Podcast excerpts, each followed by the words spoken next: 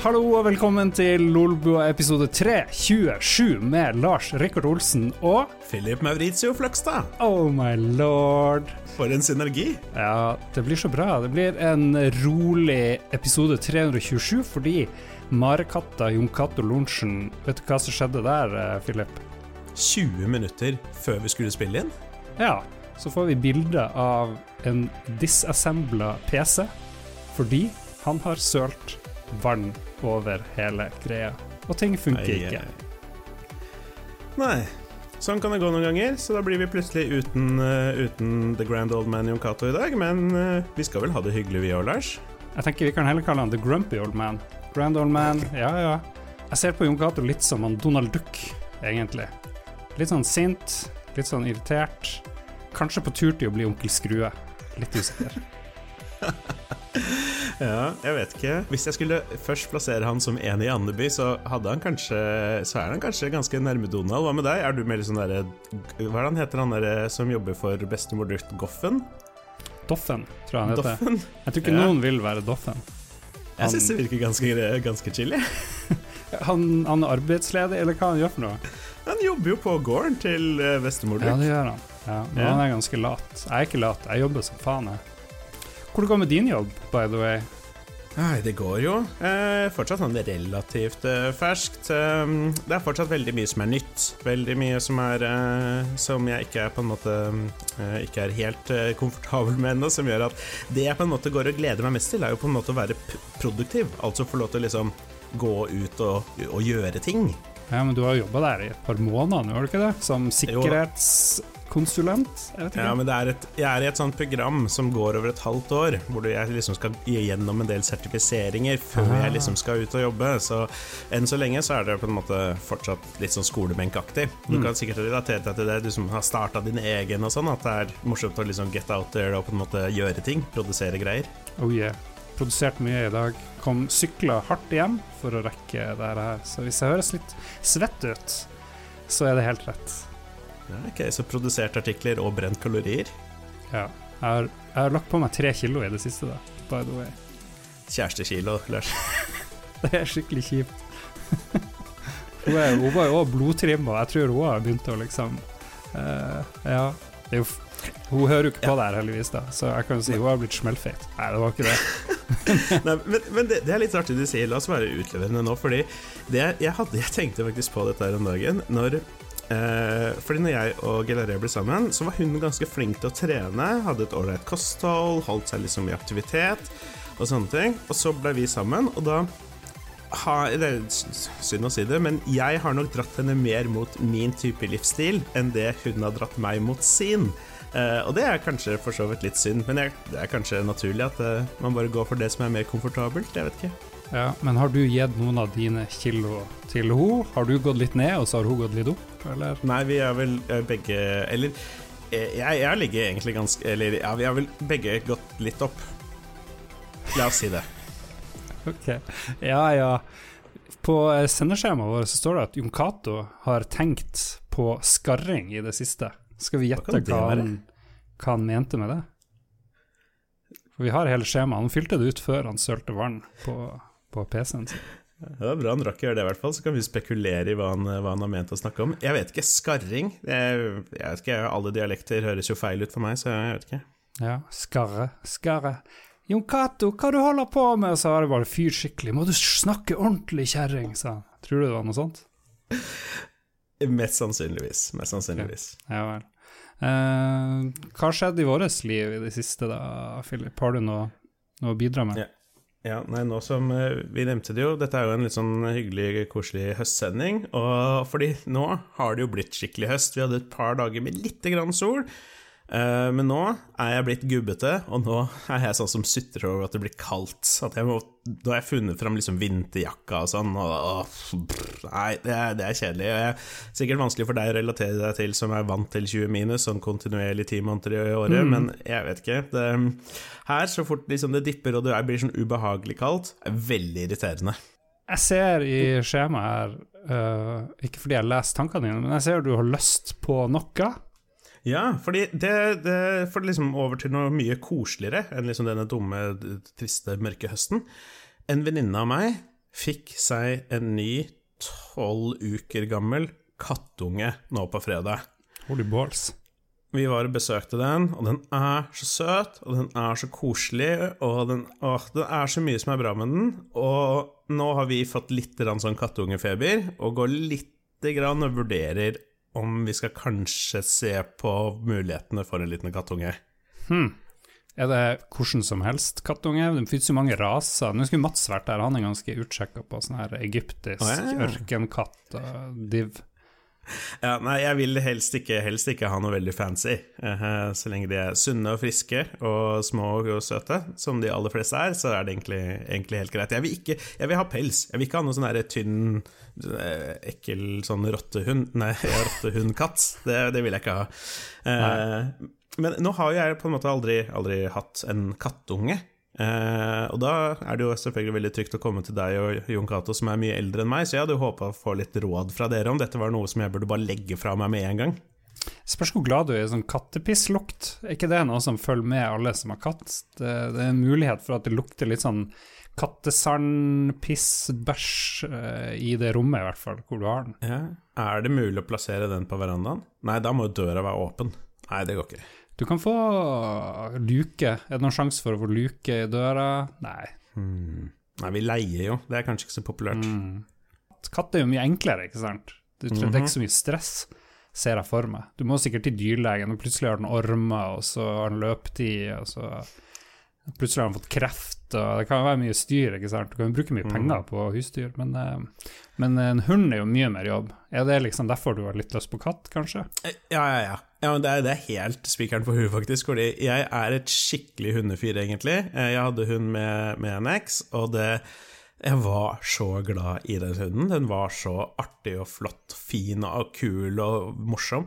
Nei, hvis jeg hadde vært singel mye lenger, så hadde jeg sikkert måttet fått meg en, en hund. Jeg tror hunden som Obama hadde, portugisisk fannhund, de skal være lite allergi eh, sånn. De skal gå helt greit. Det er sånn, De har sånn spesiell pels, du må klippe den. De røyter ikke, f.eks. Og det tror jeg er en fordel. Apropos Obama, jeg har tenkt en del på, på valget i USA. Det har vært utrolig lite prat i Lolbua om valget i USA, egentlig, i forhold til hvordan det var for fire år siden. Da hadde vi jo Make America Great Again-spalten, og det var veldig artig å følge med og snakke om Trump og sånn. Ikke så artig i 2020, det må jeg innrømme, men det har tatt seg litt sakte opp. Nå følger jeg jo Jeg følger ganske mye med. Jeg har begynt å følge alle de podkastene jeg hører på. 531 har en bra en, og jeg hører på Podsave America er ganske bra. Love it or leave it, veldig ok. Hører ikke på det der Chapo Trap House-greia. Jeg føler at de blir, sånn, de blir for eh, venstrevridd, muligens. Jeg vet ikke, jeg har ikke vært for- på dem, men Ja, det er litt for ubalansert. ja. Jeg syns det er veldig kult at du nevner det, fordi jeg er jo til og med nevnt det i, i redaksjonspraten her på Discord om, om vi ikke skal ta en liten sånn USA-spesial eller noe sånt. nå, Fordi jeg, sy- jeg syns det er kjempespennende med valget i USA. Um, det, det har selvfølgelig litt mindre momentum nå enn det det hadde for fire år siden, da Trump var ny. For det er Ja. liksom Ærlig talt, hva er dette her, skal dette virkelig gå, liksom, videre og så videre. Eh, Så det er ikke den samme liksom sjokkfaktoren nå. Um, selv om det nå kanskje føles viktigere enn for fire år siden, for da er det sånn hvis vi gir han fire år til, vi altså hvis det amerikanske folket gir han fire år til, da da er det liksom Ja. grunn til å stille enorme spørsmål. Fordi i første omgang, ok, han er ikke en politiker, han sier han skal ditt, han sier han skal datt. Jeg kan til en større grad skjønne at den der rå populismen kan på en måte funke, men eh, ja, det er ikke fire år til. det, jeg kjenner jeg har ikke lyst til å være en del av verden hvis han blir valgt for fire år. Det, er liksom, det har slutta å være artig. Det er, bare, det er bare 100 kjipt. Ok, det er noen gang artig, men når jeg tenker ordentlig på det, så er det bare faen. Han eh, Boris Johnson er jo litt sånn Trump light borte i England, og han fikk jo korona òg. Og så fikk Trump korona, og jeg lurer på om det er noen andre statsledere som kommer til å få det. Det hadde vært litt artig hvis alle de her bajasene plutselig fikk korona. Presidenten i Brasil fikk det jo. Han har jo megabias. Ja. Men han fikk det jo for lenge siden, tror jeg. Det Ja. gikk jo greit.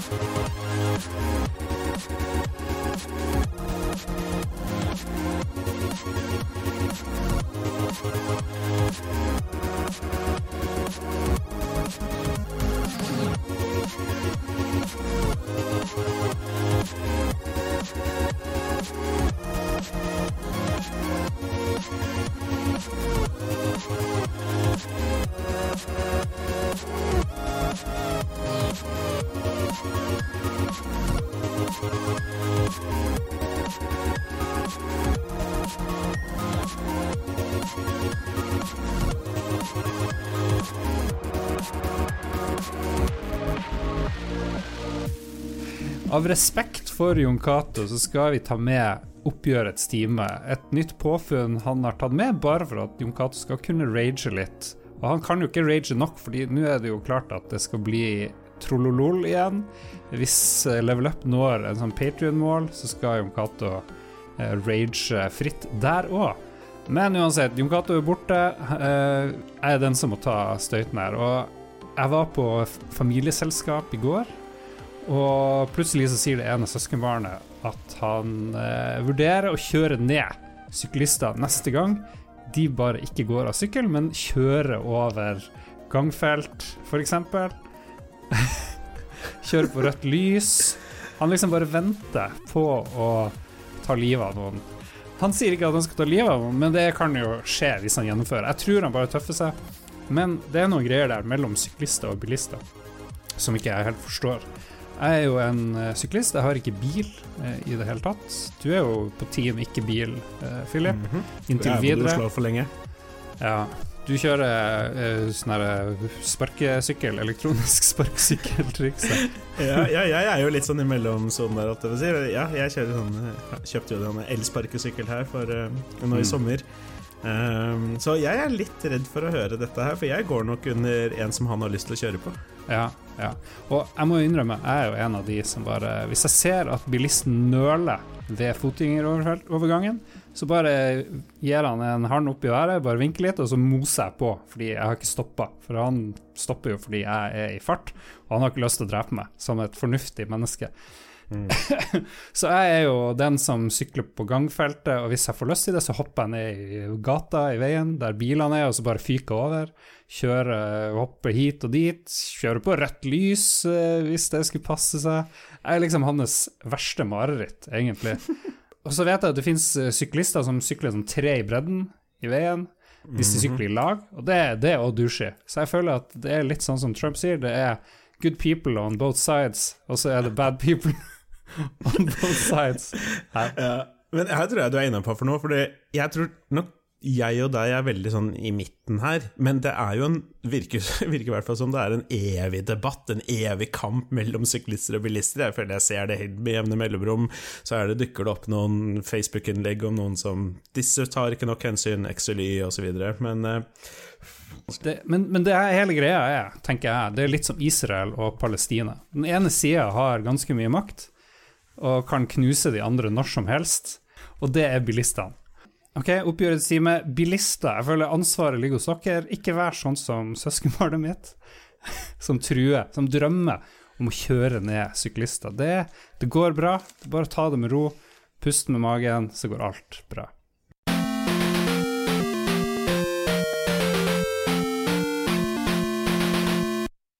Vi skal snakke om det vi har spilt i det siste, Philip. Og vi har spilt en del greier. Noen av oss har spilt nye ting, noen av oss har uh, ikke spilt nye ting. Her føler jeg du må, du må skjerpe deg, Philip.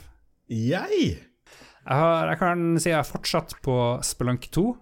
Fortsatt enorm fan av det. Kommet i verden 4-1. Og en stund så kom jeg jo aldri forbi verden 1. Nå har jeg kommet forbi verden 1, 2 og 3, og jeg er veldig stolt over å ha kommet til verden 4. Jeg tror Jeg lurer på hvor mange verdener det er. Det er i hvert fall seks. jeg trodde jeg sugde skikkelig, så, jeg så nerfa de spillet, men jeg rakk å klare verden 1 da, og litt sånne ting før de nerfa det, så jeg føler meg litt, uh, litt flink der, da. De har kutta ned på antall grevlinger og antall feller og litt sånne ting i verden igjen. Så da tenkte jeg ja, ja, ja, ja greit nok, da er jeg ikke så dårlig. Men det anbefaler jeg, det er så bra. Du har ikke spilt det? Nei, ikke toeren. Det har jeg ikke i det hele tatt. Ok, Det høres ut som du har spilt i eneren? Ja, jeg testa det når det kom, for det var jo litt sånn nytt og fresht og kult. Jeg liker nye og freshe ting, men uh, jeg har for så vidt også hørt at Spellenke 2 hvis den skal være minst uh, like bra, altså mer av det beste. Så det høres jo litt interessant ut, og det pleier jo ikke å være sånn kjempedyrt og utilgjengelig heller. Nei, Ok, Så kan vi hoppe til deg mens jeg fyrer opp uh, til de helt nye tingene jeg har spilt. Hva er det du har uh, prøvd i det siste? Nei, ja, nei, jeg har jo vært på kjøret på eldre spill, jeg skal innrømme det. For å ta det eldste først, da. Dette er noe jeg deler med Jon Cato. Så har vi begge to vært på World of Warcraft-kjøret igjen nå, nå, en stund. Um, det er jo fortsatt denne nye expansionen som kommer nå, uh, forhåpentligvis om ikke altfor lenge. De utsatte den. Jeg skulle egentlig komme nå i midten, nå om ikke så veldig lenge. Uh, Uh, så, men denne pre-patchen har kommet, og den pre-patch det betyr egentlig at en del av innholdet som skal komme i Shadowlands, blir sluppet litt tidlig. Mm. Som da blant annet inkluderer at i stedet for at du leveler fra 1 til 140 120, så leveler du nå fra 1 til 50. Altså de har gjort det de kaller som en level squish, hvor alt er døtta med sammen. Okay, okay. um, I tillegg så har de, så har de uh, et, gjort en del nye raser tilgjengelig, som du kan eh, spille som, som er ganske ålreit. Um, men det kuleste er nok hvordan de har på en måte forandra hele level-systemet. Fordi over de siste x antall årene har jo World of Warcraft pådratt seg ganske mange expansion packs. Um, og det du kan gjøre nå, er at la oss si du og jeg, vi skal nå i helga si, spille World of Warcraft sammen, så kan vi starte på level 1. Og Så spiller vi gjennom en liten introduksjonssone fra til level 10, det går ganske kjapt. Og så kan vi velge om vi vil spille fra level 10 i Burning Crusade, Rat of the Litch King, Cataclysm, Mr. Pandaria, Warlords of Draenor, Legion eller Battle for Azeroth. Jeg håper ikke jeg har glemt noe nå, men altså da alle de forskjellige pakkene. Du kan velge helt selv hvilken type verden du vil levele i, og sånne ting. Og det er en ganske kul nyskaping. Hmm. Ok. Av og til kjenner jeg jeg burde spilt uh, World of Warcraft, men så går det over veldig fort. jeg tror det er like greit. Altså fall, fallhøyden er stor. Dette spillet har en tendens til å dra deg skikkelig inn hvis du blir uh, uh, Hvis du først liksom liker den type greier Jon Cato sammenligner det veldig med comfort food, og det er det. Liker du Finner du en eller annen rett som du liker skikkelig godt, så er det lett å spise veldig mye, veldig ofte. Ja. Jeg har spilt Heartstone. Jeg føler at da har jeg nesten spilt World of Warcraft. Nesten. jeg har spilt noe som heter Gris. Har du hørt om det? Eh, kortspillet? Nei, det er et spansk spill, faktisk. Fra noen som heter Nomada Studio, som kom i 2019 og 2018. 2018 og 2019. I Jeff Keeley sitt show i Game Awards så vant det noe pris for et eller annet, og så har det ligget i bakhodet mitt eh, lenge. Men det ser så jævlig fint ut. Det er så sykt fint. Det er kanskje det peneste spillet jeg har spilt. Det ser ut som en kombo mellom uh, Monument Valley, hva det nå som heter? En sånn mm -hmm. mobilspill. Mobilspill, ja. Mm, det er og, fint, det. Ja, og Journey. Mm. Litt sånn inspirert av begge delene. Og i starten så er det kanskje litt for tydelig inspirert av Journey, fordi du går mot noe sånn vind som skyver deg tilbake. Og jeg syns jeg spilte akkurat den samme sekvensen i Journey og ble litt irritert og holdt på å gi opp. Tenkte fuck det her, men det var så pent, og så tenkte jeg ok, jeg må gi det en liten sjanse til. Så etter du har spilt en halvtime, kanskje, eller noe sånt, spillet varer bare tre, fire, fem timer, eller noe sånt, tror jeg, mm. så, så, blir det bare vakkert. Det kommer morsomme spillmekanikker. Det er 2D, 2D sånn Metroidvania-ish spill med at du låser opp nye områder, men det er veldig lite backtracking. Uh, du backtracker vel litt, men spillet forandrer på, på ting så mye at det, det, det, er ikke så tydelig. Og du får nye ability som gjør at du kan komme inn i nye områder og teste de. Det er ingen tekst, uh, det er noe fin musikk, og så er det kan du prøve å få karakteren din til å synge, men nå har tydeligvis mista stemmen sin og er litt sånn deppa. Det er sånn typisk indiespill, da, og er skikkelig deppa, den her hovedpersonen. Og det er mye metaforer rundt det der, og ikke stole på seg sjøl og føle at man ikke strekker til, osv. Um, men så går du rundt i en verden med mye tårn du skal hoppe i, du kommer under bakken, plutselig så blir du, uh, skifter du form og blir andre ting. Av og til så tenkte jeg ok, her er det noen som har vært på mye game jams og bare samla opp alle de litt sånn halvrare ideene som har med lys og skygge og kulde og varme og vann å gjøre og sånne ting. Så har de satt det sammen til ikke verdens beste spill, men en opplevelse som virkelig tiltalte meg. Og det, det, er et spill for folk som kanskje ikke har lyst til å skyte så mye, ikke har lyst til å stresse så mye, for du kan gjøre alt i ditt eget tempo. Eh, koselig. Sykt mye detaljer, og alt er håndtegna, virker det som. Og til dels. Animasjonene er helt sinnssyke. Ting er i stor grad Hva det heter det? Eh, Ikke vannfarger, men akvarell. Akvarellmaling. Ja, ja, ja. Det, er sykt mye akvarellmaling uh, som er på ting. Jævlig fint. Har ikke så mye mer å si om det, annet jeg syns det var veldig, veldig bra, og det kommer jeg til å huske ganske lenge. Det er gris. Koster ikke så mye, har et rart navn. Lurer på hva gris betyr på spansk. Ja, det da, dette burde jeg huske. Det er et tall eller noe sånt nå, tror jeg. Nei, det er ikke det. Nei, jeg husker ikke. Jeg husker ikke. Jeg veit det egentlig. Um, men dette her er ganske høyt på Philips interesseliste nå, faktisk. Jeg gjorde et kjapt Google-søk, og det ser jo kjempefint ut. Det er veldig det er en type sånn enkel 2D-grafikk som jeg liker veldig godt. Kjempefint design for figuren og sånn. Og den vant denne uh, Games for Impact Awards på The Game Award, som det må jo høres bra ut, egentlig. Ja.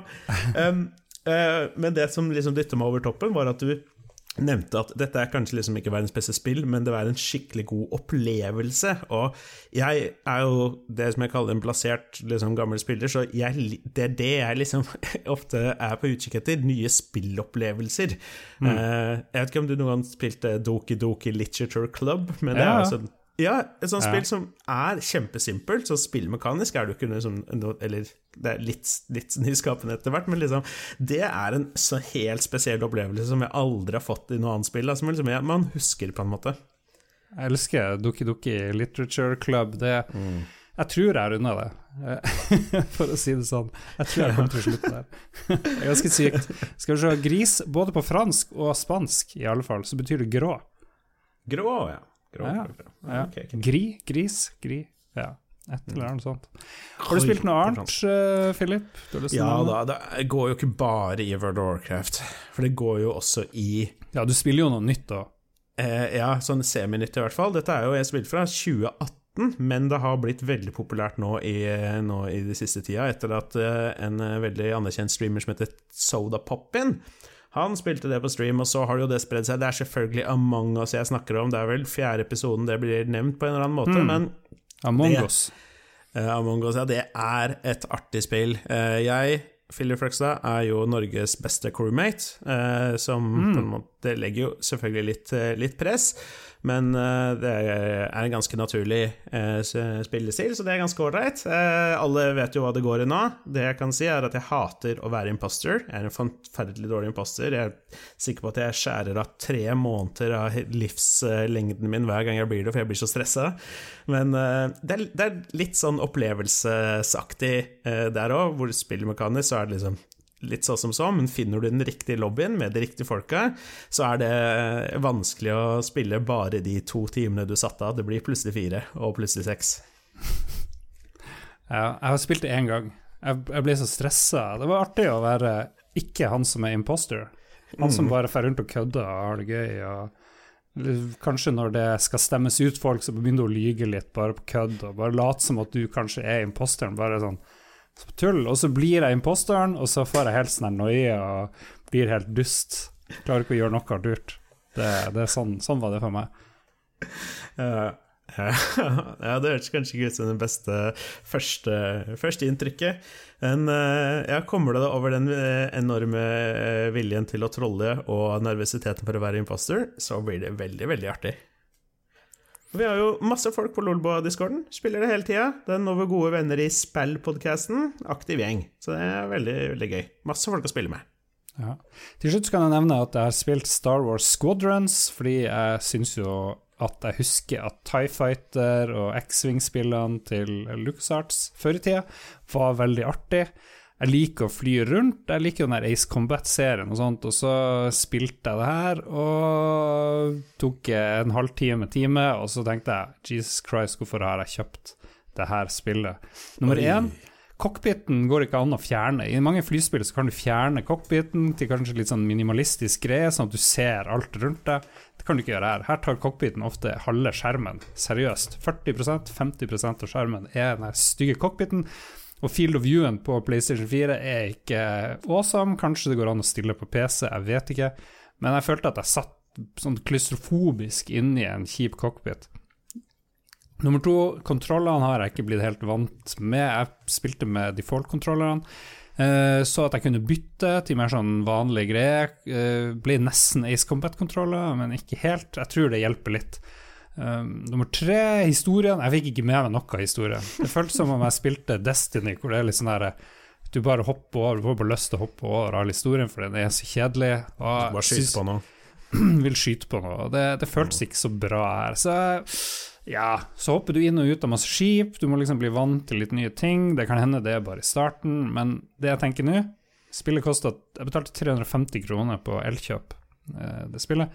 Jeg har lyst til å enten gi det bort eller selge det til noen. Kanskje vi skal bare gi det bort til en uh, Patrion, f.eks. Ja, det er jo ikke et veldig dyrt Ja. spill engang, så det Så det var såpass lite artig, holdt jeg på å si. Ja. Ja, nei, jeg vet ikke, jeg har jo sett noen diskusjoner på det på Discord angående, angående denne cockpiten spesielt. Det var jo noen som nevnte at det er litt sånn det skal være. Det er sånn du får liksom Star Wars-feelingen, men eh, ja, men kan ikke jeg bare velge å ikke ha den? Det hadde vært veldig fint. Så kan de som vil ha Star Wars-feelingen, eh, få den. Det er som når folk sier at nei, det skal være 24 frames i et spill, fordi da er det cinematisk. Det er sånn, ja, ok. ja. Eller noen som, folk som sier sånn Ja, du må skrelle bananen før du spiser den. Liksom. Mm. Ikke fortell meg hva jeg skal gjøre.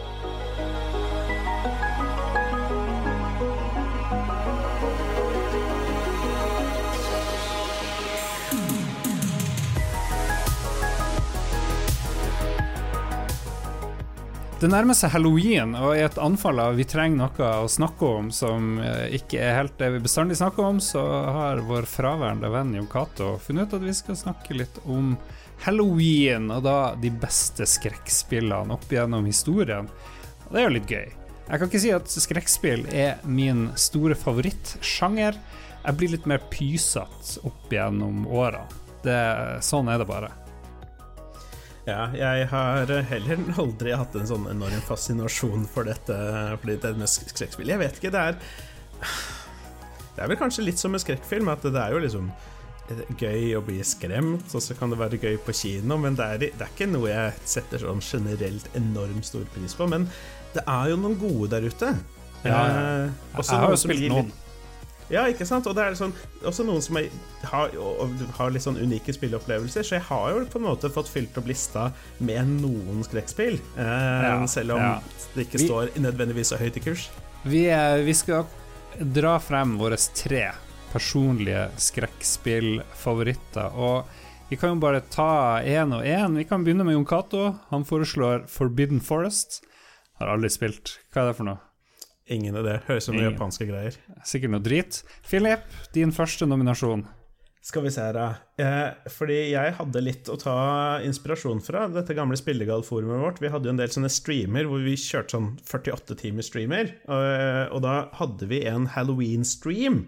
Um, og det jeg foreslo, som kom igjennom, heldigvis, som var det viktigste for meg, det var Silent Hill 2. Ok. Har du spilt noen av de i serien? Ja da, jeg har spilt Silent Hill 1 eller 2. Jeg husker ikke, det var ganske dårlig grafikk. Det var utrolig mye fog. Eh, Så ikke en drit, men det var, det var morsomt. Ja, det kunne for så vidt både vært én og to.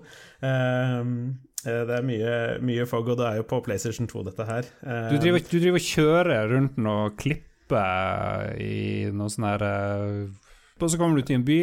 Kanskje Ja, du kom til en, en, en bru som er ødelagt? Jeg husker ikke.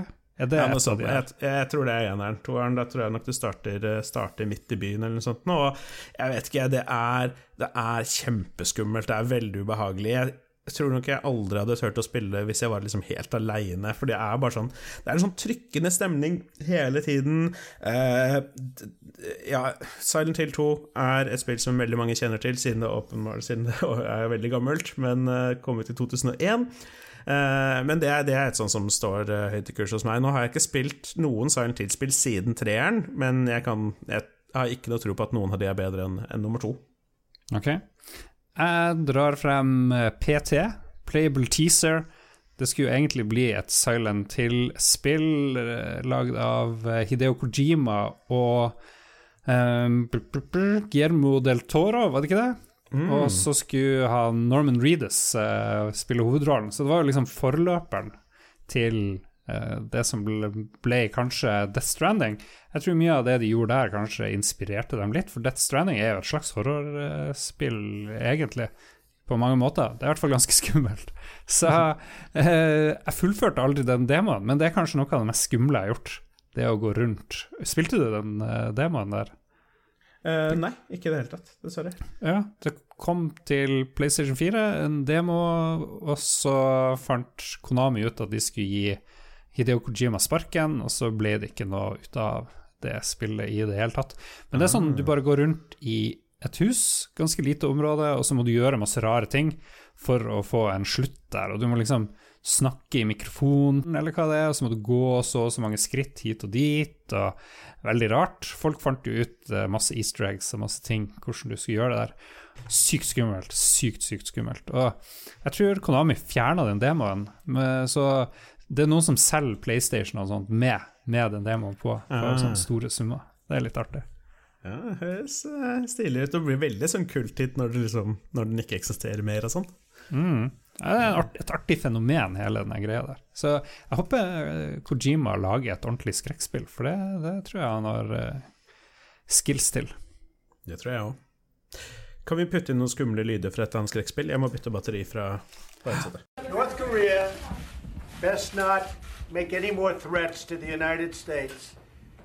They will be met with fire and fury like the world has never seen. he has been very threatening uh, beyond a normal statement. Jeg ser jo at uh, godeste Jon Cato også har Silent Hill på lista si. Det står ikke noe tall bak, men uh, jeg vet ikke, jeg kan jo håpe at han mener nummer to nå. Ja, jeg likte det. Jeg likte det ene. Det var de folka med sånn trekanthatter og svære sverd, eller noe sånt. ja, Pyramid Head. Uh, en ganske unik, unik fiende. Veldig skummel fyr. En, ja, Silent Hill gjorde veldig mye jeg vet jeg husker ikke om det var så mange spill som hadde gjort akkurat dette før. Det spilte jo veldig mye på liksom, lys og mørke. Du hadde denne lille lommelykta som du gikk rundt og lyste med, og utover det så var det veldig mye mørkt. I tillegg så hadde du en radio, som jeg vet ikke om du husker dette her, men der var det jo sånn static som kom inn på radioen, som da ble mer eller mindre om det var monstre i nærheten, og hvor de befant mm. seg, om de kom nærmere og sånne ting. Og det å gå rundt i liksom trange korridorer, det er helt mørkt, du lyser litt foran deg med lommelykta, så plutselig kommer det klikk, klikk, klikk, klikk, klikk, klikk i denne radioen. Det, uh, nei, det er litt sånn gåsehud bare å tenke på det. Ok. Jesus. oh. Sitter og drikker litt øl, litt 7-Up, og alt går i vranghalsen. Skal vi se. Ditt andre spill, Philip, hva er det? Ja, eh, litt sånn i samme, i samme, spor, dette med lys og mørke, så eh, var jeg veldig glad i spillet Alan Wake fra de finske mm. utviklerne Remedy. Um, det er kanskje ikke nødvendigvis det absolutt beste skrekkspillet i verden, men jeg husker det så godt. Det var Jeg spilte det ganske mye på et tidspunkt uh, uh, hvor det var litt mørkt ute. jeg husker ikke hvorfor det var viktig, men uh, jeg husker at det spillet på en måte det Eh, i, spillet så er det eh, Du må holde deg unna, unna, skyggene. Du må holde deg unna der det er mørkt. Og der går, litt av spillet går ut på å liksom løpe fra lyktestolpe til lyktestolpe der hvor du vet at det er trygt. Eh, og det var en gang jeg var på vei hjem fra byen og hadde drukket en del og sånne ting. Det var litt mørkt, og så plutselig ble jeg veldig bevisst på at jeg gikk litt fortere sånn mellom lyktestolpene, fordi jeg bare hadde liksom inkorporert at liksom, det var en greie. ganske artig spill. kul historie om en sånn Eh, forfatter, er det vel det heter, var det ikke det han var, som dro mm, opp for å få noe inspirasjon, og så plutselig blir, går alt til helvete, og veldig skummelt og spennende. Det var, det var lommelykt der òg, var det ikke det? Jo. Du liker spill med lommelykte? Ja, jeg tror det. det Silent Hill satt liksom veldig standarden for den greia, og med Alan Wake dro, dro det veldig mye videre. Eh, brukte lommelykta som et Det var liksom våpenet, holdt jeg på å si. Veldig kult. Har du spilt The Suffering? Det har jeg ikke spilt. Det høres ganske kjipt ut. Det er et PlayStation 2-spill som jeg kan ikke tro var sånn kjempekjent. Noe som heter Surreal Software. Kom i 2004. Og den spiller litt på de tingene jeg syns er mest skummelt i hele verden. Og det er at hovedpersonen plutselig ser ting som egentlig ikke eksisterer. Han ser sånne ting, og han tror kanskje han holder på å bli gal. Og det her spillet så kommer det hele tida litt sånn shit som ikke eksisterer, som bare er kjipt. Litt sånn som var i det PT, hvor det bare kan dukke opp noen folk bak deg, liksom. Mm. Sånn helt uten, ut av det blå. Det er jo sånn primale jumpscaren, liksom. at det dukker opp noe, men så er det ikke bare en katt, det er faen meg et spøkelse av et eller annet slag, eller Og så driver du og lurer på om du blir gal, fordi det handler om det er satt i et fengsel eller noe sånt. Det er en sånn kis som er på death row fordi han har myrda sin eks og to barn. Uh, hovedpersonen sier at han er uskyldig, uh, men han, uh, han, husker ikke helt hva som skjedde. da. Og så kom, er det et jordskjelv i nærheten av det fengselet, og så dukker det opp noen sånne spøkelser og ting. Det høres ut som plottet Hvis det var en komedie, så er det plottet til Ghostbusters. Et eller annet. Liksom, Slippe ut masse spøkelser. Men, men jeg, men jeg googla det jo og så på bildene, og dette er ikke en komedie. Nei, nei, det er ikke noe komedie. Og jeg vet ikke om det går an å få tak i det på noe vis. Det ble utgitt til Xbox uh, også, i hvert fall. Uh, ja, nettopp. Og PC. Det fins i PC òg. Mm, ja, da må det eksistere digitalt et eller annet sted. Ja, det er på GOG. Det ser ut som det er på gog.com. Så det anbefaler jeg. Eh, sikkert litt utdatert grafikk i dag, men det høres jo ganske unektelig ganske spennende ut. Fordi denne, du er på en måte Verden er normal, men den er åpenbart ikke det, på en måte. The Suffering. Prøv det, folkens. Spill nummer tre fra Jon Cato, er det det vi skal først ha her? Ja, og det er jeg veldig fornøyd med at han har nevnt, fordi da slipper jeg å bruke en av mine spats på det. Han har skrevet om Resident Evil 7. Mm. Um, ja, nei, ja. Nå roter jeg litt, for det er ikke Resident Evil 7 som er min favoritt. Det er vel 4, Vi-versjonen, som er min favoritt. Resident Evil 7 har ikke jeg spilt. Har du, Lars? Nei, det er jo det helt nye. Det er ikke det som kom sist, og så er det et nytt på vei ah, ja. nå. Er det det som er kun i VR? Nei, men jeg tror du kunne spille det i VR på noe vis. Okay. Ja, ja, du kunne spille i VR, ja. Men bare på PlayStation, ikke på Sikkert. PC. Skjønte jeg. Ja. Ja. Jeg vurderte å streame de greiene der, men uh, bare for at uh, folk skulle få noe å le av. Men uh, hadde ikke VR-sett til PlayStation 4. Men ja, nei, det har jo Jeg har jo bare hørt at det skal være helt sykt utrolig kjipt skummelt. Mm. Skal vi se ditt tredje spill, Philip. Mitt tredje spill, og her skal jeg dra opp en, eh, en, liten, eh, en liten, gem. Fra denne spillegallstreamen vår så uh, spilte vi et spill som heter Fatal Frame. Er det noe du har hørt om? Jeg har hørt om det, men jeg er litt usikker. Ja, det var uh, Project er Zero, eller Project Zero heter Japan. Um, er et Uh, veldig spesielt spill, uh, hvor du spiller en, uh, typ, ja, en eller annen person som sier at vi skal lete etter broren sin eller noe inni et haunted house. Og dette er på en måte basert på en ekte historie, for i Japan så eksisterer dette huset. og om det har like mye spøkelser i seg i virkeligheten, det vil jeg ikke spekulere i, men det skal visstnok være hjemsøkt. Og inn i dette spillet, nei, inn i dette huset går hun for å lete etter broren sin. Finner ikke, eller hva det nå er, finner ikke, men finner et kamera som moren har lagt igjen, og dette er et magisk kamera. Mm. Og med det magiske kameraet så kan hun skyte sine fatal frames. Det vil si at hvis du ser gjennom det, så kan du se over til den andre dimensjonen og se ting som mennesker ikke kan se med det blotte øyet. Hæ. Og så blir jo da resten av spillet å overleve denne mansionen. Eh, hun, fordi så fort hun går inn der, så blir hun innestengt. Eh, og så er det en ganske sånn kul greie hvor eh så lenge du befinner deg der inne, så blir du mer og mer satt fast i husets torturkammer, som betyr at den måten du liksom ser hvor mye tid du har igjen på, er hvor mye disse liksom lenkene rundt hendene, arm, hendene og benene og halsen din liksom manifesterer seg, og når det har hmm. manifestert seg totalt, så er sjelen din eh, fanget for alltid. Jeg hadde egentlig skrevet opp uh, Resident Evil, men det har vi jo liksom prata om. Jeg husker jo, Det er kjempelenge siden jeg spilte, men jeg kan fortelle om det spillet jeg har blitt mest skremt av noen gang. Skal jeg gjøre det? Mm -hmm. yeah. Da jeg var liten, så, så våkna jeg av et mareritt, og det her var på 80-tallet en gang. Det var sånn 88, kanskje, eller noe sånt. Fordi jeg hørte en stemme inne i rommet mitt som sa og så gikk det masse år før jeg skjønte hva det var.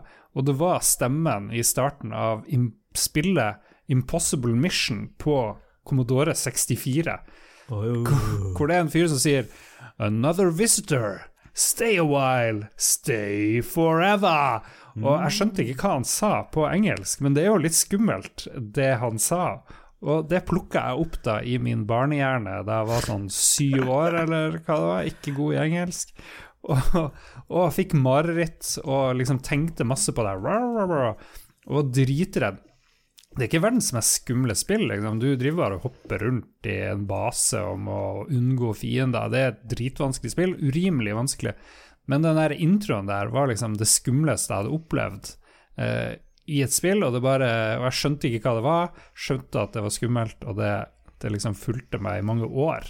Uh, den der greia. Jeg lå og tenkte på det. Hvis jeg hadde feber, så brukte jeg å Når man er syk og er liten, så liksom har du litt feber og du er litt syk og sånn, mer enn når du er voksen, virker det som, i min hukommelse. Og da, og da brukte tankene å gå tilbake til det der, og da ble jeg liksom redd av meg sjøl. For Impossible Mission, et ganske middelmådig spill, eh, regnes vel litt som en klassiker i dag, men ja, ja.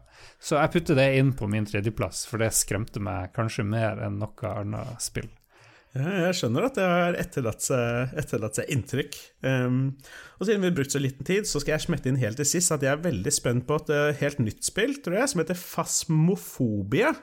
Mm. Um, og så har jeg hørt mye om det i det siste, jeg har ikke fått testa det ennå. Men det er et sånn fireplayer online co-op-spill uh, som kalles Psychological Horror.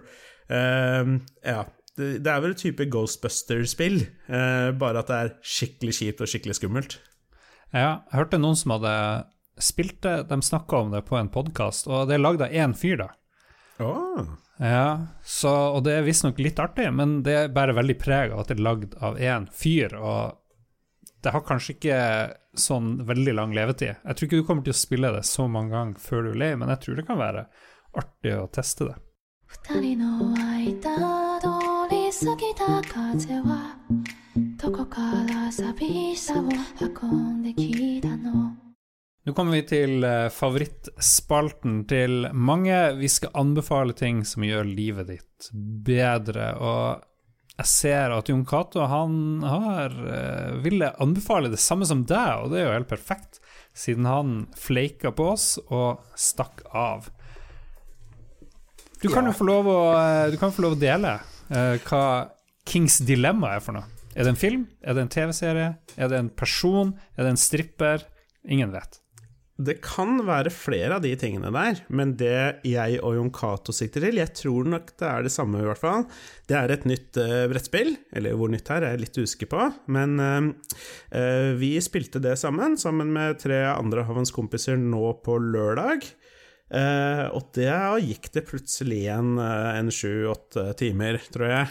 Um, uh, The Kings Dilemma handler om Det er litt sånn de kule delene av Game of Thrones, som på en måte handla om politikk og liksom lage deals og gå bak ryggen til hverandre og sånne ting. Alt det, det greiene der.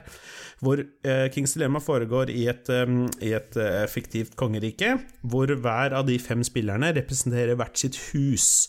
Um, uh, og disse husene har da selvfølgelig sine trekk. Noen er uh, veldig rike og liker handel, noen er opptatt av religion, noen er opptatt av krig, osv., osv. Um, så er, går egentlig hele spillet ut på at du skal gjennomføre uh, Du skal gjennomføre dilemmaer som skjer i kongeriket. Eh, kongen. Vi støtter alle kongen, men noen ganger så kan ting skje. Eksempel, vi har litt dårlig med helt, ban helt banalt, vi har litt dårlig med mat. Skal vi kjøpe mat fra kongeriket ved siden av, da får vi mer mat, og da går matcounteren eh, opp. Eh, men da mister vi litt penger, og da går pengecounteren ned. Det er fem sånne mm. elementer man blir målt, målt på. Um, og så er det da å spille spillet. Um, og diskutere hvilket uh, to alternativer man skal gå for i disse dilemmaene. Ok, ok. Hmm. Er, det, er det noe samarbeid på noe vis?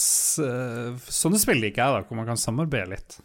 Ja, det er både og. Eh, veldig både og. Jeg syns det er litt kjedelig at Jon Cato ikke er her til å snakke om det, fordi jeg tror han hadde klart å, uh, å formidle hva som gjør dette så unikt spennende, uh, bedre enn det jeg klarer. Men det er et, en type hybridspill mellom et strategispill og et rollespill. Fordi i rollespill skal du gjerne bare liksom spille rollen din, og så skjer det ting, og så drar du på eventyr og sånn. Mens mm. liksom, Dungeons and Dragons kan enten være det, eller det kan være jeg vil rulle terninger og drepe monstre og vinne, på en måte, uavhengig av liksom hvordan jeg spiller rollen min. Og her er det en litt blanding, hvor um, uh, hvor huset ditt har på en måte en viss uh, Har en veldig spesifikk sånn idé rundt seg, uh, samtidig som du har som, eh, det er en rolle som du spiller ut, eh, samtidig som du har mål som du ønsker å nå. Eh, så du samarbeider fordi over hvert dilemma så vil man diskutere for eller imot, og man, Ja. og man vil definitivt samarbeide med de husene som er enig med deg denne runden. Eh, Fordi når man kommer til stemmerunden, når man er ferdig med å diskutere, så skal man legge antall power liksom bak yay eller nei. Skal vi kjøpe korn, eller skal vi la være? Og da starter hver spiller med åtte power, som den kan bruke. Jeg legger tre power på yay, og så legger man sammen. Hvis det er flere på yay, så blir det kjøp av korn. Hvis det blir flere på nei, så blir det ikke kjøp av korn. Det står, jeg der, det står at det er noen legacy-elementer der. og Sånn som jeg tolker det, så betyr det at det utvikles spillet, så neste gang du spiller det, så blir det litt annerledes. Ja, det er et helt utrolig artig konsept der, som ehm, eh, Spillet kan på en måte bare spilles én gang. Eh, eller det kan spilles med én gruppe. Fordi eh, når du eh, en del av de valgene du gjør, den utløser forskjellige policies, regler, og da må du signere på de. Eh, og det var flere valg som jeg gjorde eh, som jeg måtte da signere på. Da måtte House Escobar, som er huset mitt, eh, måtte signere på en, på en, eh, på en klistre, en klistrelapp som blir lagt ned på spillet. Og den lappen kan aldri brukes igjen. Da er den signert, og den ligger på spillet. Um, men vi spilte jo som sagt igjen sju-åtte timer nå sist.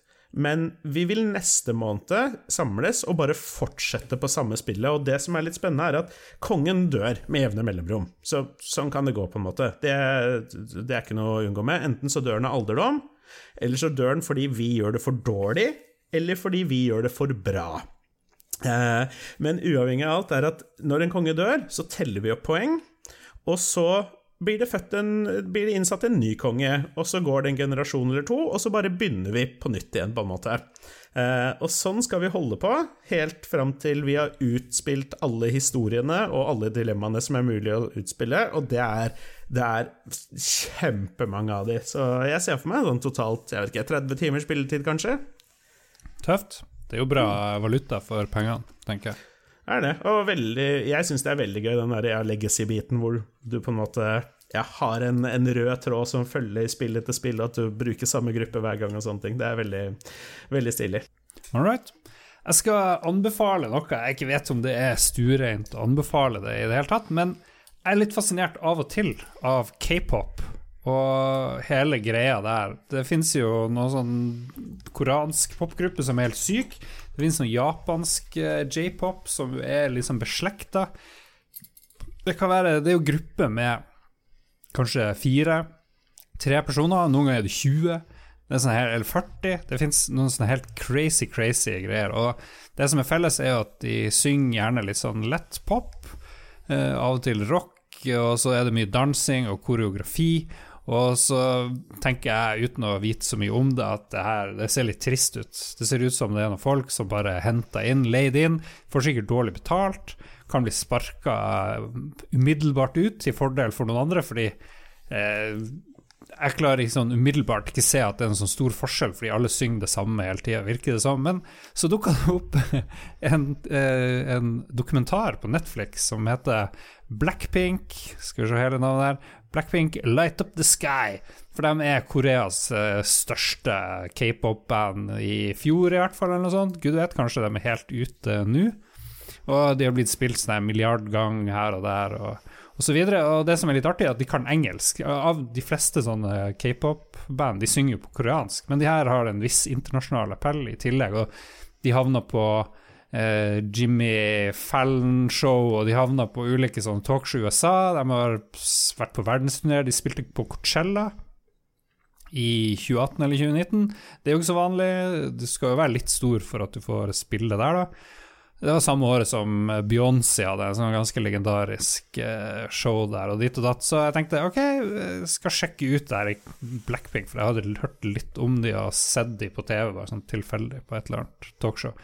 Og det ble sugd inn i k-pop-verden, og det opplegget der, det er ganske fascinerende. Det er et selskap som heter YG Entertainment, som fer rundt i Asia finner folk, gjerne i 14-årsalderen pluss minus, og så tar de med til Korea, putter dem inn i et svært hus, og der er de i opptil ti år, og så lærer de. Så har de sånne sykluser, de er 14 da 13 dager på jobb, hvor de lærer å danse og synge og prate koransk, for det må de jo lære, hvis ikke de kan det fra før av. Og så blir de putta inn og ut av ulike grupper, og så ser de hva som funker. Og sånn kan noen være i årevis. Masse år. Alle de som er i Blackpink, de var fire eller fem år på den skolen. Eh, det virker som det er ganske autentisk, de her historiene jeg forteller. For det er jo de som fortalte at de hadde det ganske kjipt av og til. Foreldrene sa nei, du må komme hjem, det her er ikke bra, for de er jo borte hele tida. De er på jobb 13 dager, og det er sånn her masse, masse timer. Det er ikke noe sånn her norsk HMS-opplegg i Korea, ikke sant. Så, så de driver og danser og synger og herjer på. Og så plutselig så er noen heldige. De fleste får jo sparken, men noen havner i et band. Noen havner i der Blackpink. Fire jenter, ei fra Australia, tror jeg, hadde vel koransk slekt. Ei kommer fra Thailand, hun måtte lære seg koransk helt fra begynnelsen av. Og de to siste, det er fire stykk, er vel fra Korea. Og så får du se hvordan de ble presentert. De har filma alt hele veien deres opp. Og Så får du se dem drar og trener, og hvordan de danser, og hva de tenker på. Du får se alle auditionene deres, så de er jo ganske flinke, faktisk, eh, i utgangspunktet. Men jeg ble bare litt sånn kjent med Skal vi se hva de het? Rosé, Jenny, Jisoo og Lisa. Så har, de har blitt mine nye uh, Spice Girls. ja, ok, ok, ok, ok, Lars. Okay, Lars. Eh, mm. Nå snakker du jo til mannen som har sånn åtte max level characters i World of Warcraft, og alle bortsett fra én er oppkalt etter forskjellige k-pop stars. Eh, ja, det visste jeg ikke. Ja, nei, det, det, var det jeg kanskje ikke lurte på. Jeg har vært mega into k-pop i veldig mange år, litt mindre nå ah, ja. det siste. Men mm. ja, jeg har vært skikkelig inne i det veldig lenge. Jeg, ja, nei, jeg skal ikke gå altfor mye på det, men jeg kan jo sjekke om det Black Pink in your area. Du, ja. Den har du hørt på ganger nå, det kan jeg tenke meg. Ja, den, uh, Blackpink er Jeg kommer fra dette YG, som har hatt ett stort jenteband som het 21. Hadde de hatt før i mange år, og så var det veldig mye hype rundt hvem dette neste skulle være, og så kom Blackpink. Hun er fra New Zealand, hun Rose. Ja, fra New um, Zealand, ja. Ikke New Zealand. Australia. Nei, men, men ser jo sørkoreansk ut. Eller nå har jo jeg sørkoreanske foreldre. Eh, men dette Blackpink ble jo en enorm suksess. Det har en veldig sånn in your face-type attitude og en pop-sound som er Den er uh, ukompromiss, den er kompromissløs, eh, den er veldig tøff. eller sånn Nå sammenligner jeg med en sånn annen type k-pop, som gjerne har en tendens til å være ganske søtt. Det er mye sånn ja. sukkersøt k-pop. Uh, det selger veldig godt der borte. Um, og mens Blackpink er på en måte De er mye mer, de er mye mer tøffe. Er, som du sier, de har mer engelske linjer enn det de fleste andre grupper pleier mm. å gjøre. Uh, veldig sexy, uten at de på en måte nødvendigvis er så utrolig attraktive. De, er liksom bare, de har en sånn ganske kul råskap over seg, da, som på en måte de ja, de har en, eh, har en, kult image som uh, gjør at de er veldig unike i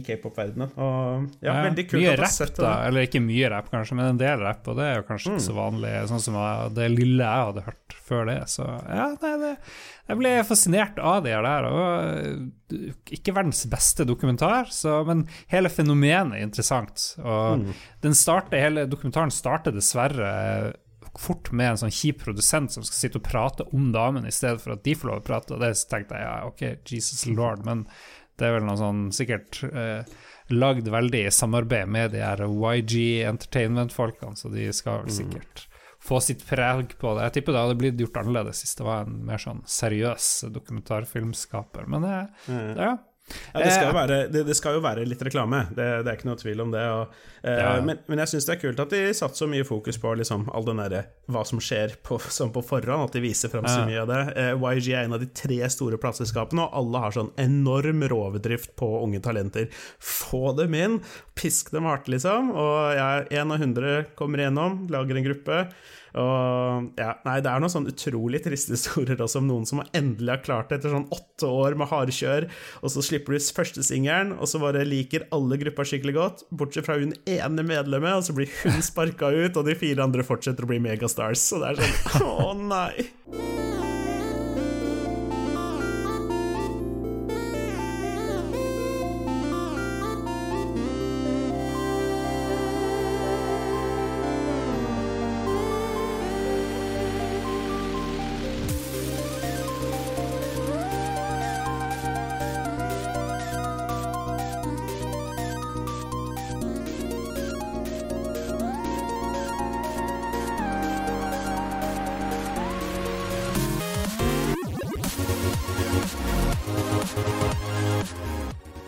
Vi har kommet til lytterspalten, og vi har spurt folk hva som skremmer dem av filmer, bøker og alt mulig rart, og her eh, bare kjører vi rett på. Selvfølgelig er det jo Mats som er først ute når vi har spurt om tips til gode skrekkfilmer. Uh, han foreslår Her Hereditary og It Follows er de første nyere horrorfilmene som spratt inn i hodet mitt, Uh, og Ja. nevner også The Witch fra 2015. Ok, ok. Jeg har sett Hereditary og It Follows. Nå sier jeg liker veldig godt It Follows. Mye kul musikk. Det er han der Disaster Piece som lagde musikken til Fess, som står bak det. Ah. Utrolig fett soundtrack. Det kan man høre på, på Spotify og kose seg med. Eh, Hereditary er vel han der fyren, eller dama, jeg husker ikke, som også lagde den svenske svensk-amerikanske 'Midtsommer'. Den er bra! Uh, ja, ja Den den, er er, bra. ganske, den er ganske heftig. Hvis noen ikke har skjønt det, så er det altså skrekkfilmer som kanskje er hovedtema for denne lytterspalten. Jeg vet ikke om vi får inn noe annet. Skal vi se, Øystein Reinertsen. uh, The Descent var ganske intens. Har du sett den? Jeg har ikke sett noen av filmene nevnt hittil, jeg. Faktisk. Mm. Eh, Du må se It Follows. Veldig kul. Det er en sånn uh, Hvis det er et vesen som følger etter noen, og de kan slippe unna hvis de har sex med noen andre, for da smitter liksom monstre som følger etter deg, Ah. over til deg. Men hvis du blir tatt, så går den tilbake til den som ga det til deg. Det er noen sånne syke greier. Eh, satt i en sånn her litt sånn artig verden, litt sånn parallellverden til oss, hvor 80-tallet og nutida smelter sammen til ett, virker det som. Veldig sånn koselig, eller 70-tallet. En litt sånn veldig rar eh, estetikk over det hele, som Ja. jeg. Jeg har hørt om denne filmen, eh, og hørt at den visstnok skal være god. Bare, vi bare ser lite skrekkfilmer generelt, tror jeg. Eh, bortsett fra denne 'Midtsommer', som du nevnte, som kanskje er det eneste gode eksempelet jeg har på en skikkelig bra skrekkfilm fra de siste åra. Ja, han Øystein Reinertsen han nevner også An American Werewolf i London. Skrekkomedie fra 81. Har du oversikt på Facebooken hva som er der? Selvfølgelig har jeg det. De renner inn forslagene våre. Selvfølgelig er det Hans GM som nok en uke stiller med forslag. Han sier at type Ståle har mye gode tips, men det første spillet som Hans kommer på, er Amnesia. Eh, han er en sucker for de klassiske 80-90-talls horrorfilmene som Halloween, Nightmare on Elm Street osv. Men før vi tar de, har du spilt dette Amnesia? Uh, ja, ja. Nei, har jeg det? Jeg vet Nei, ikke. det er også litt sånn som du husker at du har spilt det hvis du har spilt det. det er, vi spilte også på denne skummelstreamen til Spillegal back in the day, og det er et, det er et sånn skikkelig kjipt, kjipt spill. Jeg spilte det i sånn ti minutter, og så ba jeg noen andre om å spille, for det var bare så ubehagelig. Løpe rundt, det er et monster som er ute etter å ta deg, og det eneste du kan gjøre, er på en måte å gjemme deg og sitte med armene og hendene foran øynene og late som ingenting, i håp om at han ikke dreper deg. Det er veldig skummelt, veldig kjipt. Ok, fuck det. Uh, Mats er tilbake. Han nevner et spill, og det er Dead Space. Ja, det har ikke jeg Det er spilt. Det vet jeg er bra. Å, du har ikke spilt i det hele tatt, nei? for jeg, jeg merka nå at det glemte vi litt når vi snakka om skumle spill i stad. Det, eh, det er et ganske sånn Der føler du deg isolert og aleine og har veldig godt sånn Ja. lydspor på Du føler det er aliens rundt deg hele tiden. Mm. Det er, sånn, er det det spillet hvor du har en sånn decapitation-laser eller noe sånt? Du kan liksom skjære av folk? Ja, det virker tøft. Ja, det, det, det er stilig. Det har vel kommet tre stykker av de. Jeg tror toeren var litt halvveis, men treeren skal også være solid. Men ja, Dead Space 1 husker jeg veldig godt. Eh, Rainer Madsen Steinvik han har, eh, han har foreslått noe litteratur. Eh, 'Grøsserne' av RJ Stein. Jeg vet ikke om du leste det når du var liten? Nei, gjorde du det? Eh, ja, det er noe de hadde på biblioteket. Jeg ser det har fått mange tomler opp eh, i, i, på Lolbo Entourage. Det er nok mange som kjenner seg i den fra, fra de var liten. Jeg tror det er noe som man husker bedre om man ser coveret, så det er bare til å komme seg inn på Lolbo Entourage på Facebook og, og sjekke det ut. Uh, videre har vi Dead End fra 2003, foreslått av han Sian Krogstad. Er det en film eller en bok eller et spill eller Kian Krogstad, Dead End. Hmm, la oss google kjapt. Det er i hvert fall en film som har vunnet masse priser. Har jeg sett den? Vi får se om vi setter det på lista. Um, eh, på lista til Hans GM, på Skumle spill, så snakker han om Fair, spillet, eller hva det nå het, og det var vel akkurat det det het, F-E-A-R. Uh, er det en forkortelse? Det står for et eller annet? Ja, First Encounter and Recon. Uh. Mm -hmm. Det er litt artig. Jeg nevner også Doom 3, som var ganske ille. Eh, som også var litt på lista mi. Doom 3 var veldig, ja. action, veldig actionorientert, men samtidig, det er, eh, det er, Det var mørkt. Det var veldig trykkende. Eh, ja, som Jonas Flatjord skriver, han husker godt den enten dårlig lommelykt eller våpen i hånda-mekanikken som bare gjorde det enda verre. Ja, jeg husker det. Jeg husker det plutselig. Doom 3. Det var skummelt. Og bra mm. grafikk. Det var en bra kombo. Ehm, Øystein Reinertsen nevner The Road av Cormac McCarthy. Den kan nok regnes som en skrekkbok, eh, men i hvert fall ganske mørk. Eh, Bjørn Bjelland skriver da jeg var liten, var Ghostbusters og Critters ufattelig skumle. I dag er jeg mest skremt over meg selv for at jeg klarer å fullføre A Serbian Film. Skrekkfilmer jeg har likt i voksen alder, blant annet 28 State Later, The Conjuring, Get Out og The Cabin in the Woods. Hvilke filmer var det du ble skremt av da du var liten? Nei, Det skulle ikke så mye til, altså. Eh, når jeg, nei, når jeg var mindre, da skulle det ikke så mye til. Eh, nei, samme her. Jeg var ganske pysete. Ja. selv Goonies var jo skummelt, ikke sant? Og så ja. videre. Ja, det holdt liksom at det var, var litt liksom mørkt, og at det var meninga at det skulle være skummelt, og så, ja. og så, og så ble det det. Jeg, tror, jeg husker noe som Jo, introen til X-Files. Bare X-Files syns jeg var kult, men introen til X-Files den var så skummel. Og så en bilde av en blueprint av en alien og, og en ufo, kanskje. Og jeg bare Nei, det syns jeg var kjempeskummelt. Det var ingenting som gjorde meg mer redd for at det skulle komme aliens inn vinduet mitt om natta, enn introen til X-Files. Jeg var kanskje, jeg er jo litt eldre enn deg, så X-Files var ikke så skummelt. Det var mer morsomt og sånn. Men jeg husker da Twin Peaks kom på TV, det syns jeg var skummelt. Han Bob bak sofaen der og greier. Mm. Det var åh, Herregud, jeg holdt på å daue. Ja, det kan jeg tenke meg, fordi jeg var jo mye, en del eldre når jeg så Twin Pics, når jeg, når jeg oppdaga det. Men det syns jeg også var ubehagelig, den, den, atmosfæren i det stedet, og Janne Bob og hva er gæren, og er det noe demon, og hvor Ja, nei, det ja, ja. Men det er enorm forskjell på å se det da, på 90-tallet, og se det nå. Jeg har sett det litt, kanskje tre ganger, den serien. Og Twin Peaks i dag, så ser jeg heller mer at de gjør den veldig narr av. Det er en slags parodi på såpeserie, på såpeopera. Mm. Men så har du òg skrekkelementer, så det er fremdeles litt skummelt, da. Men det er så mye annet i tillegg. Det er så sjukt, hele greia. Er det noe mer på Facebook? Det var jo dritmye. Det er jo det. Han, uh, Mats er tilbake igjen og foreslår filmen House of Leaves. Helt til sist Reiner Madsen Steinvik med nok, en, uh, nok et forslag. The Fourth Kind foreslår han. Film fra 2009 mm. med Mila Jovovic. Oi, jeg elsker Mila Jovovic. Hvis det er lov å si det. Det er lov å si, men ja, nei, jeg har heller ikke sett, eh, sett denne filmen. Um, men siden du elsker Mila Jovovic, har du sett traileren til den nye Monster Hunter-filmen, Lars?